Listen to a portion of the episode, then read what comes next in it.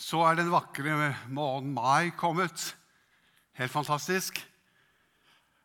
En tid for håp og glede og livets under som kommer til syne på nytt og på nytt.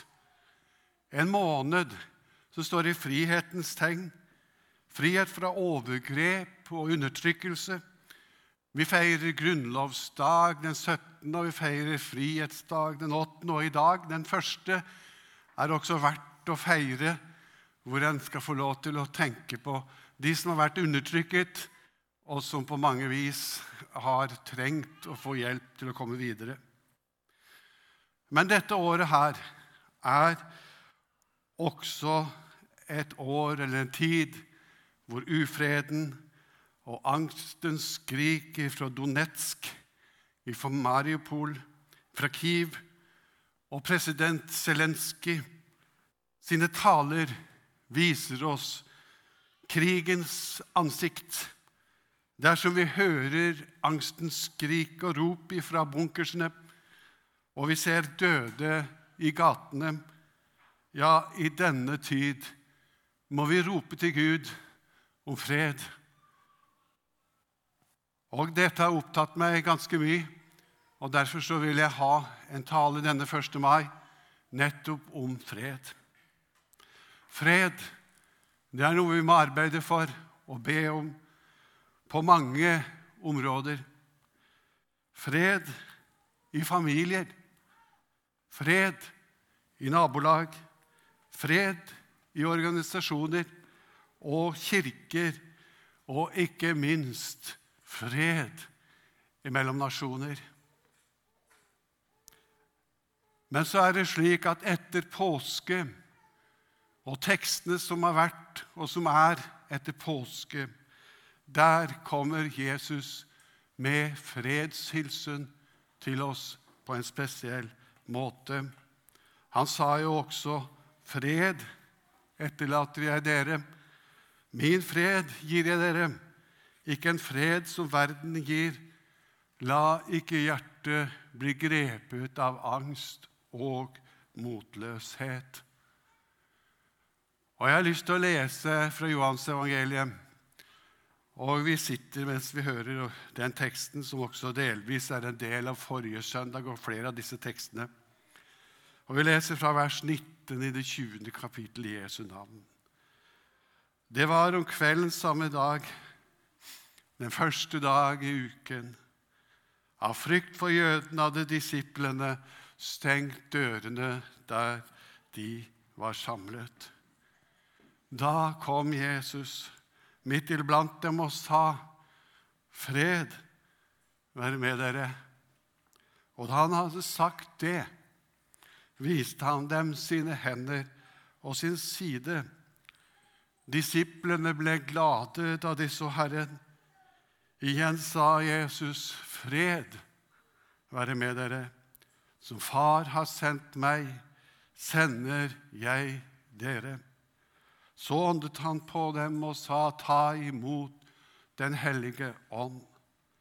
Dersom dere tilgir noen syndene deres, da er de tilgitt. Dersom dere fastholder syndene for noen, er de fastholdt. Thomas, Thomas, en av de tolv, han som ble kalt Tvillingen, var ikke sammen med de andre disiplene da Jesus kom. Vi har sett Herren, sa de til ham. Men han sa, dersom jeg ikke får se naglemerkene i hendene hans og får legge fingeren i dem og stikke hånden i siden hans, kan jeg ikke tro. Åtte dager senere var disiplene igjen samlet, og Thomas var sammen med dem. Da kom Jesus mens dørene var lukket, og sa, 'Fred være med dere.' Så sier han til Thomas, 'Kom med fingeren din, se her er hendene mine.' 'Kom med hånden og stikk deg i siden min, og vær ikke vantro, men troende.' 'Min Herre og min Gud', sa Thomas. Jeg sier til ham, 'Fordi du har sett meg, tror du salig er den' eller de som ikke ser og likevel tror. Jesus gjorde også mange andre tegn for øynene på disiplene, tegn som det ikke er skrevet om i denne boken. Men disse er skrevet for at dere skal tro at Jesus er Messias, Guds sønn, og for at dere ved troen skal ha liv i hans navn. Fred være med dere. En gammel predikant har sagt det slik Fred er en festning.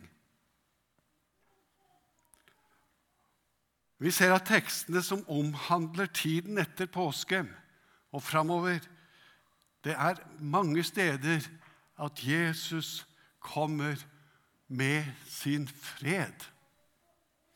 Han sier 'fred være med dere'. Det er akkurat som de ordene Det er som vann til en svamp i denne tid.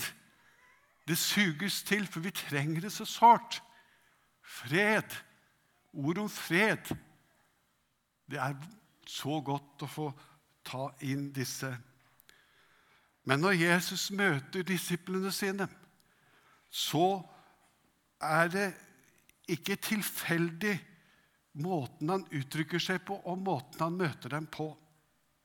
Han sier 'fred være med dere', og så viser han dem sine naglemerkede hender og sin side.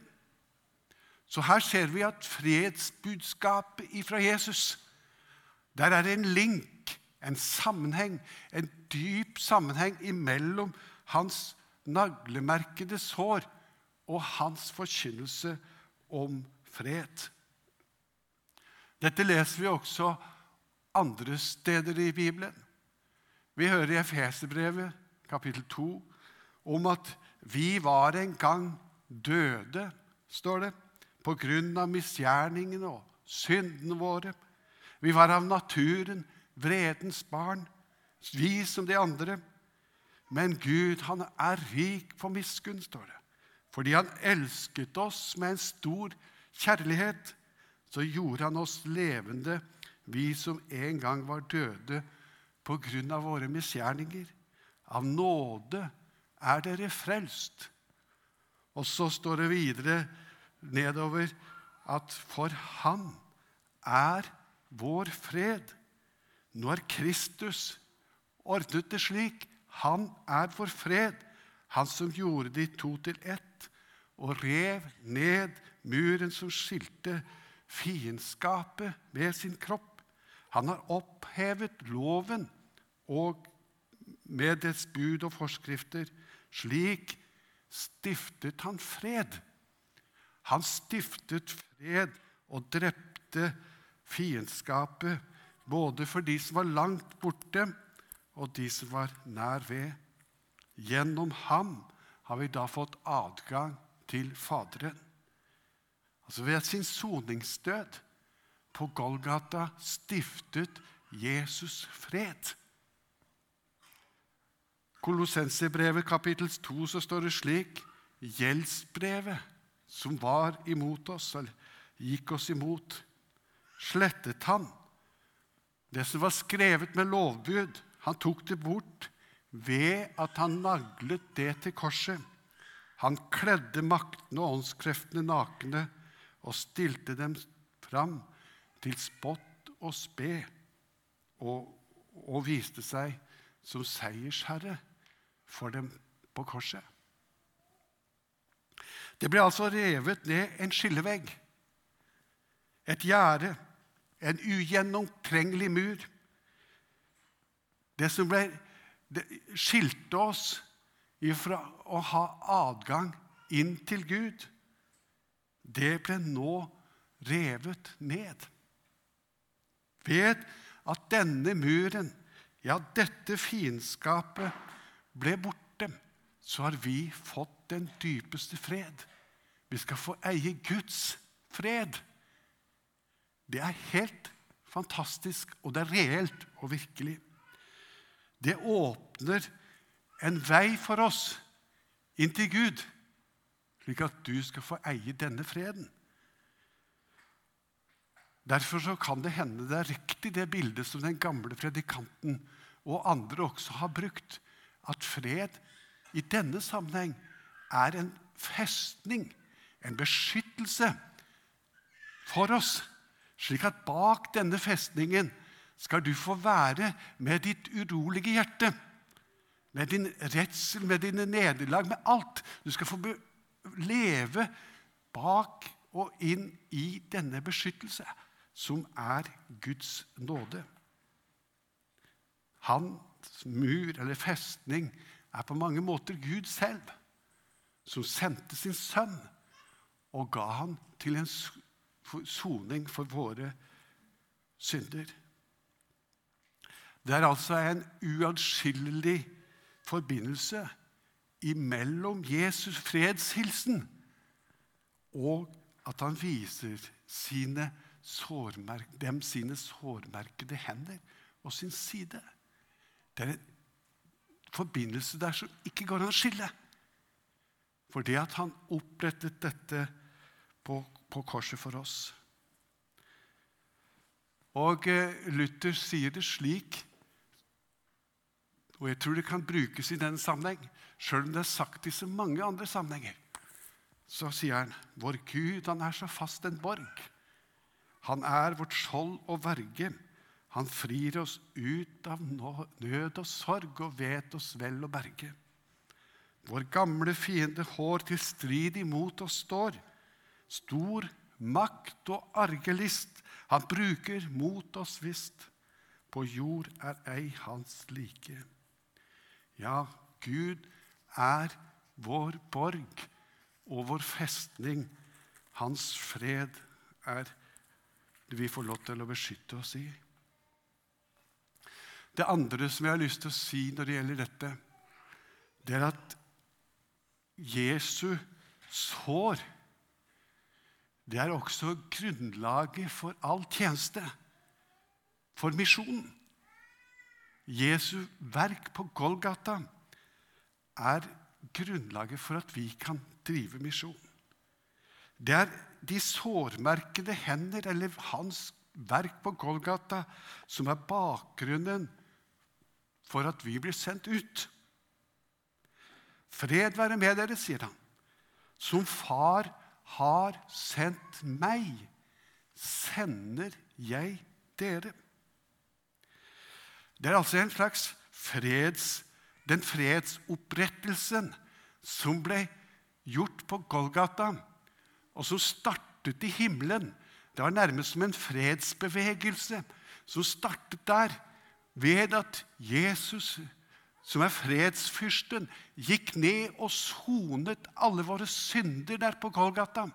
Der ser vi liksom fredsbevegelsen ifra himmelen til Golgata. Og så går den ifra Golgata og til Galilea, og så sier han dere skal gå ut og forkynne mitt budskap om den fred jeg har opprettet der på Golgata. Det er viktig med alle oppdrag å hjelpe mennesker i nød. Det er viktig på alle områder, og vi skal få lov til å være tjenere for hverandre. Han har omsorg for legeme og sjel, men hovedbegrunnelsen for misjon er det Jesus gjorde på Golgata, der han døde for våre synder, der han bar all verdens synd Altså ikke en eneste en var glemt på Golgata. Ikke en eneste en. Dette må alle få høre om. Alle må få høre om det. Og alle vi som bærer dette budskapet ut, vi er avhengig av Den hellige ånd. Derfor åndet Jesus på dem og sa det. Ta imot Den hellige ånd. Og så som jeg er blitt sendt, sender dere. Og når dere forkynner evangeliet om Jesus, om hans verk på Golgata, så virker Den hellige ånd på en slik måte at det skaper tro i andre menneskers liv. Og Det er derfor vi har ofte sunget i vekkelsestider Ånd fra himmelen, kom med nåde, kom med liv og lys her ned. La din guddomsmakt få råde, gjør oss vis til salighet. Som Far har sendt meg, sender jeg dere. Den tredje tingen jeg har lyst til å si fra disse tankene etter påske og dette med fred, det er dette med sjelesorg. Og dette med smerter som vi kan komme inn i. Vi er så lett for å kategorisere på en måte den smerten den, som vi har. Men angsten, når den kommer, så har den egentlig ikke noe adresse. Den er som en slags Den kan gå inn i alle sider av våre liv. Og når uroen kommer, så kan det liksom ikke bare katalogiseres og si 'Jeg hører det til. Du får gå dit. Nei, hvis du får skikkelig angst, så kommer det som en langmende kraft inn i ditt liv. Og du får liksom ikke løft nesten en finger. Og det virker både på legeme og sjel og på alt. Og når vi er i den dypeste tvil og anfektelse, så skal vi lære noe av disse tekstene som vi nå har foran oss. Hvordan behandlet Jesus Thomas? Hva gjorde han? Det syns jeg er fint å se på. Og Vi kan også ta med en annen som ikke vi har lest om, men som vil vise hvordan Jesus sin sjelsorg egentlig er. Han sier til Thomas, 'Kom hit', sier han, med fingeren din. Og se, deg, se her er hendene mine, sier han. Og stikk den i siden min, hånden din i siden din, og vær ikke vantro, men troende. Hva er det for noe? Jesus møter den fortvilede og tvilende Thomas der han er. Og så viser han sin, hendene sine og siden sin. Han sier på en måte, 'Kom med tvilen din, Thomas. Se sårene mine.' Forstå, Thomas, nå hva jeg har gjort for deg. Jeg har sagt det før og sier det igjen At det viktigste er å forkynne om Jesu naglemerkede hender. Jeg sa det tidligere i talen. Og Jesu død på korset og hans oppstandelse er egentlig den beste sjelesorg, dypest sett. Det forteller om den stedfortredende gjerning. Ikke noe kan erstatte dette som Jesus har gjort for oss. Derfor er det viktig at det budskapet preger oss i alle tjenester, i alle sider av vår, vårt arbeid. Den andre som jeg vil vise til, er å ha litt av det samme med seg. Og det var døperen Johannes, denne predikanten du, som ryddet vei for Herren. Som fikk så rosende omtale av Jesus.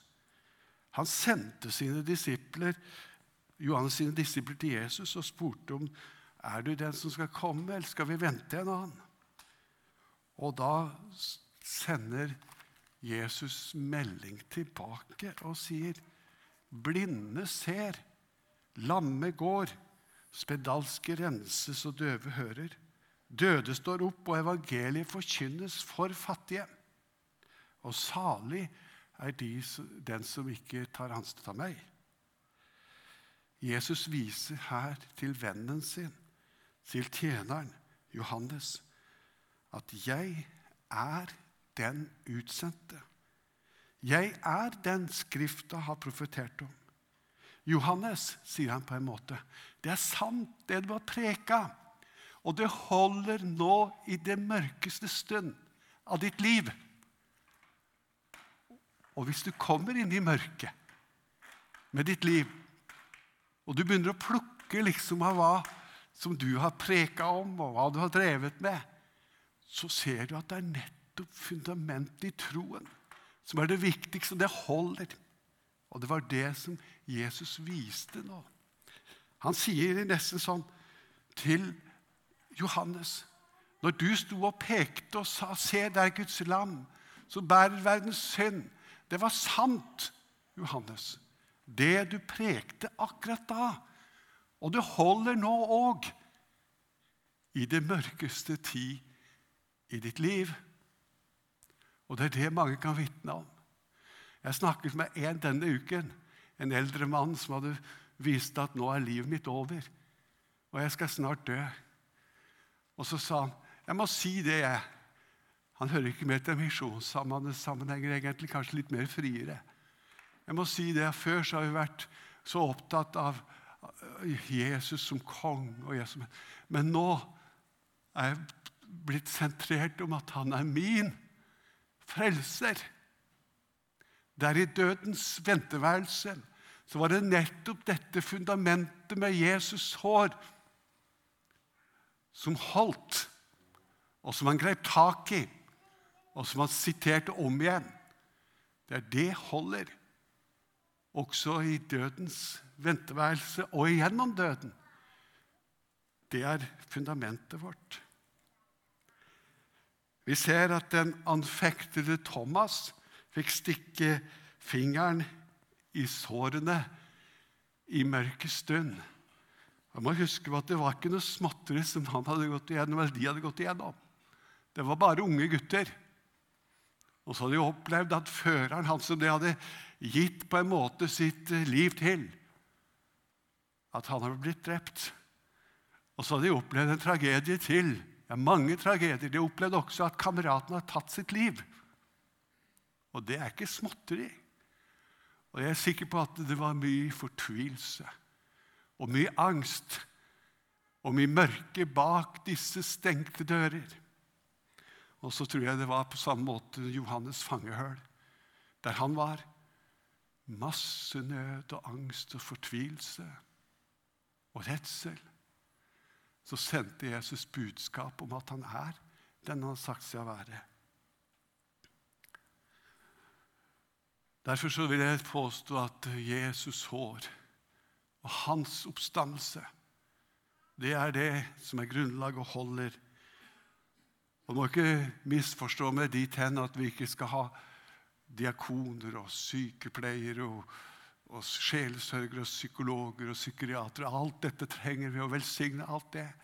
Men er den dypeste nød, når alt er borte, og du tenker at det neste er å gå over grensen, da er det dette som holder.